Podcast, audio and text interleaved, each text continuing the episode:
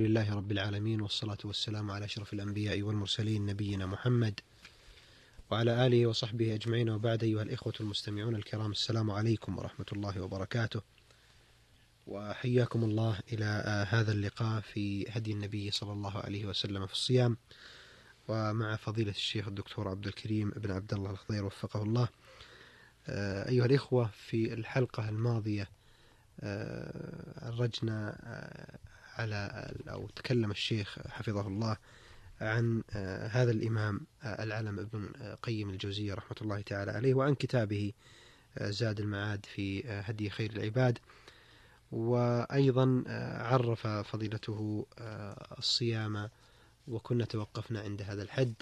ولعلنا في مفتتح هذا اللقاء فضيلة الشيخ بعد الترحيب بكم وتحيتكم أن نتحدث عن حكم الصوم. أيضا ما يتعلق بهذا الحكم وأيضا فضل الصيام. كل هذا إن شاء الله لعله أن يرد في هذه الحلقة. تفضل شيخ. الحمد لله رب العالمين وصلى الله وسلم وبارك على عبده ورسوله نبينا محمد وعلى آله وصحبه أجمعين. أما حكم صوم شهر رمضان فهو واجب بل ركن من أركان الإسلام ومبانيه العظام. كما دل على ذلك الكتاب والسنة والإجماع. أما الكتاب فقوله تعالى يا أيها الذين آمنوا كتب عليكم الصيام كما كتب على الذين من قبلكم لعلكم تتقون. وأما السنة فقوله عليه الصلاة والسلام كما في حديث عبد الله بن عمر رضي الله عنهما بني الإسلام على خمس شهادة أن لا إله إلا الله وأن محمد رسول الله وإقام الصلاة وإيتاء الزكاة والحج وصوم رمضان. متفق عليه. والحج وصوم رمضان. وروى مسلم عن ابن عمر رضي الله عنهما عن النبي صلى الله عليه وسلم قال بني الإسلام على خمسة على أن يوحد الله وإقام الصلاة وإيتاء الزكاة وصيام رمضان والحج. فقال رجل الحج وصيام رمضان. قال لا صيام رمضان والحج هكذا سمعته من رسول الله صلى الله عليه وسلم. اختلف أهل العلم من شراح الحديث وغيرهم في إنكار ابن عمر رضي الله عنهما على الرجل الذي قدم الحج على الصيام مع أن ابن عمر رواه كذلك كما في الصحيحين. يقول النووي في شرح مسلم الأظهر والله أعلم أنه يحتمل أن ابن عمر سمعه من النبي صلى الله عليه وسلم مرتين مرة بتقديم الحج ومرة بتقديم الصوم فرواه على الوجهين في وقتين. فلما رد عليه الرجل وقدم الحج قال ابن عمر رضي الله عنهما لا ترد علي ما لا علم لك به ولا تعترض بما لا تعرفه ولا تقدح فيما لا تحققه. بل هو بتقديم الصوم. هكذا سمعته من رسول الله صلى الله عليه وسلم وليس في هذا نفي لسماعه على وجه الآخر. نعم ابن عمر سمعه هكذا وإن كان قد سمعه على وجه آخر. ولا ينفي أن يكون سمعه على وجه أن يكون سمعه على وجه الآخر كما أنكر ابن عمر على هذا المعترض. يحتمل أيضا أن ابن عمر كان سمعه مرتين على ما ذكرنا بالوجهين ثم لما رد عليه الرجل نسي الوجه الذي رده فأنكره. فالاحتمال الأول أن ابن عمر رد عليه بالرد المذكور تأديبا له تأديبا له. والثاني لما رد عليه كان ناسيا للوجه الآخر. والمسألة محتملة. وأجمع العلماء على وجوب الصيام وأنه ركن من أركان الإسلام وعلى كفر من جحد وجوبه. الرواية الأولى التي فيها تقديم الحج على الصيام اعتمدها البخاري رحمه الله تعالى في ترتيب كتابه فقدم المناسك على الصيام. واعتمد سائر أهل العلم على الرواية الثانية فقدموا في مصنفاتهم الصيام على الحج. فأجمع العلماء على وجوب الصيام وأنه ركن من أركان الإسلام وعلى كفر من جحد وجوبه واختلفوا في تكفير من تركه مع اعترافه بوجوبه. اختلفوا في تكفير من تركه ترك الصيام مع الاعتراف بوجوبه. يقول شيخ الإسلام ابن تيمية رحمه الله تعالى في كتاب الإيمان اتفق المسلمون على أن من لم يأتي بالشهادتين فهو كافر. وأما الأعمال الأربعة الصلاة الزكاة الصيام الحج فاختلفوا في تكفير تاركها يعني مع الاعتراف بوجوبها. والقول بكفر من ترك واحدة منها رواية عن الإمام أحمد واختارها طائفة من أصحاب مالك. فتارك أحد الأركان مع القدرة على فعله على خطر عظيم. فقد بني الإسلام على هذه الأركان وكل بناء ترك بعضه يوشك أن يتهدم. والقول المرجح عند جماهير العلماء أنه لا يكفر إلا من ترك الصلاة على خلاف بينهم في حكم تاركها أيضا. وقد نقل اتفاق الصحابة رضي الله عنهم على كفر تاركها وإن كان معترفا بوجوبها. وأما فضل الصيام فالصوم فضله عظيم وثوابه جسيم. جاءت بذلك النصوص الكثيرة عن النبي عليه الصلاة والسلام المخرجة في الصحيحين وغيرهما من دواوين الإسلام من السنن والجوامع والمصنفات وغيرها.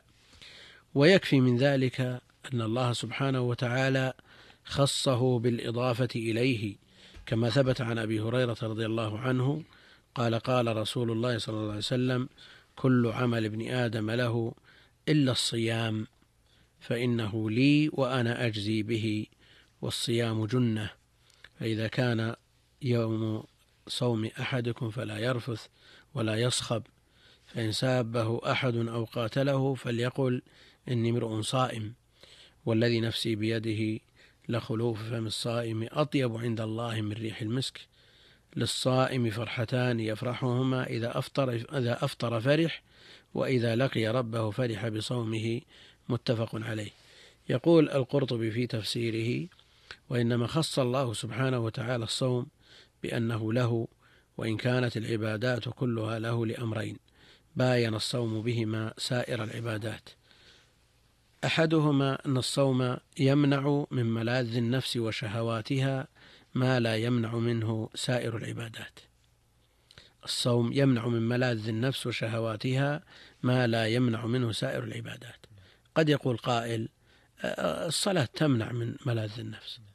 لكن الصلاة أمرها لا يطول. يعني إذا انشغل بها الإنسان خمس عشر دقائق ربع ساعة فإنه يبقى له من الوقت الشيء الكثير بينما الصيام من طلوع الفجر إلى غروب الشمس. يعني ولذا صار منعه مؤثرا على النفوس فيمنع من ملاذ النفس وشهواتها ما لا يمنع منه العبادات الأخرى.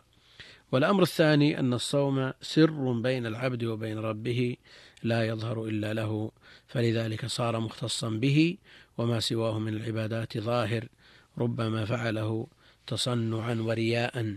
فلهذا صار خص بالصوم من غيره. يقول ابن عبد البر رحمه الله كفى بقوله الصوم لي يعني قول الله عز وجل في الحديث القدسي. كفى بقوله الصوم لي فضلا للصيام على سائر العبادات. لكن ينبغي أن ننتبه لأمر وهو أن المراد بالصيام هنا الصيام المحفوظ من المعاصي كما قال ابن حجر في فتح الباري يقول اتفقوا على أن المراد بالصيام هنا صيام من سلم صيامه من المعاصي قولا وفعلا. نعم هذا الصيام الذي تترتب عليه آثاره وهذا الصيام الذي يرجى له يرجى من ورائه القبول والنفع في الدنيا والآخرة. وأخرج الشيخان وغيرهما من حديث أبي سعيد رضي الله عنه قال سمعت رسول الله صلى الله عليه وسلم يقول من صام يوما في سبيل الله بعد الله وجهه عن النار سبعين خريفا. بعد الله وجهه عن النار سبعين خريفا. وهذا في الفرض والنفل يا شيخ ولا خاص بالفرض؟ بالنسبة لقوله باعد الله. هذا إذا كان في النفل ويتناول النفل وإذا كان في النفل ففي الفرض من باب أولى. أنه لا يتقرب أحد بمثل ما افترض الله عليه. الفرض أفضل. ويختلف أهل العلم في المراد في سبيل الله. هل المراد به في الجهاد؟ يعني يصوم في الجهاد ويستحق هذا الوعد؟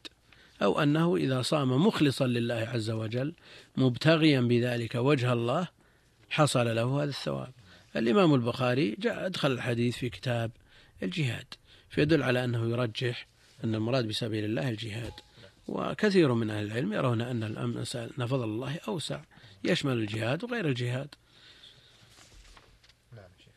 وأخرج أيضا من حديث سهل بن سعد رضي الله عنه عن النبي عليه الصلاة والسلام قال إن في الجنة بابا يقال له الريان يدخل منه الصائمون يوم القيامة لا يدخل منه أحد غيرهم. يقال أين الصائمون؟ فيقومون لا يدخل منه أحد غيرهم فإذا دخلوا أغلق فلم يدخل منه أحد. هذا باب يقال له الريان خاص بالصائمين خاص بالصائمين. فمن حقق صيام ما افترض الله عليه استحق أن يدخل من هذا الباب. لكن من خرق صيامه بالمعاصي والمنكرات إن سدد هذه الخروق وهذه الفتوق بكثرة النوافل من من جنس هذا الصيام لأن النوافل تكمل بها الفرائض كالرواتب بالنسبة للصلوات. ولذا حث الشرع على صيام النوافل كما سيأتي في صيام الست وصيام عشر ذي الحجة وصيام الاثنين وصيام عاشوراء صيام يوم عرفة وغيرها من الأيام وصيام الأيام البيض. المقصود أن مثل هذا الصيام النفل يكمل به الفرض. أحسن الله إليكم فضيلة الشيخ ونفع بما قلتم إنه سميع مجيب. أيها الإخوة المستمعون الكرام تحدث فضيلة الشيخ الدكتور عبد الكريم في هذا اللقاء حول حكم الصيام صوم رمضان خاصة وفضل هذا الصوم وقد أورد جملة من النصوص الواردة في فضل هذه العبادة الجليلة العظيمة التي نسأل الله سبحانه وتعالى أن يوفقنا لإتمامها وإكمالها على الوجه الذي يرضيه ويقبله عز وجل. ونحن بهذا نصل إلى ختام هذه الحلقة. نتقدم في ختامها بالشكر الجزيل لفضيلة الشيخ الدكتور عبد الكريم بن عبد الله الخضير وفقه الله. ولكم أنتم مستمعين الكرام نلقاكم بإذن الله تعالى وأنتم بخير. والسلام عليكم.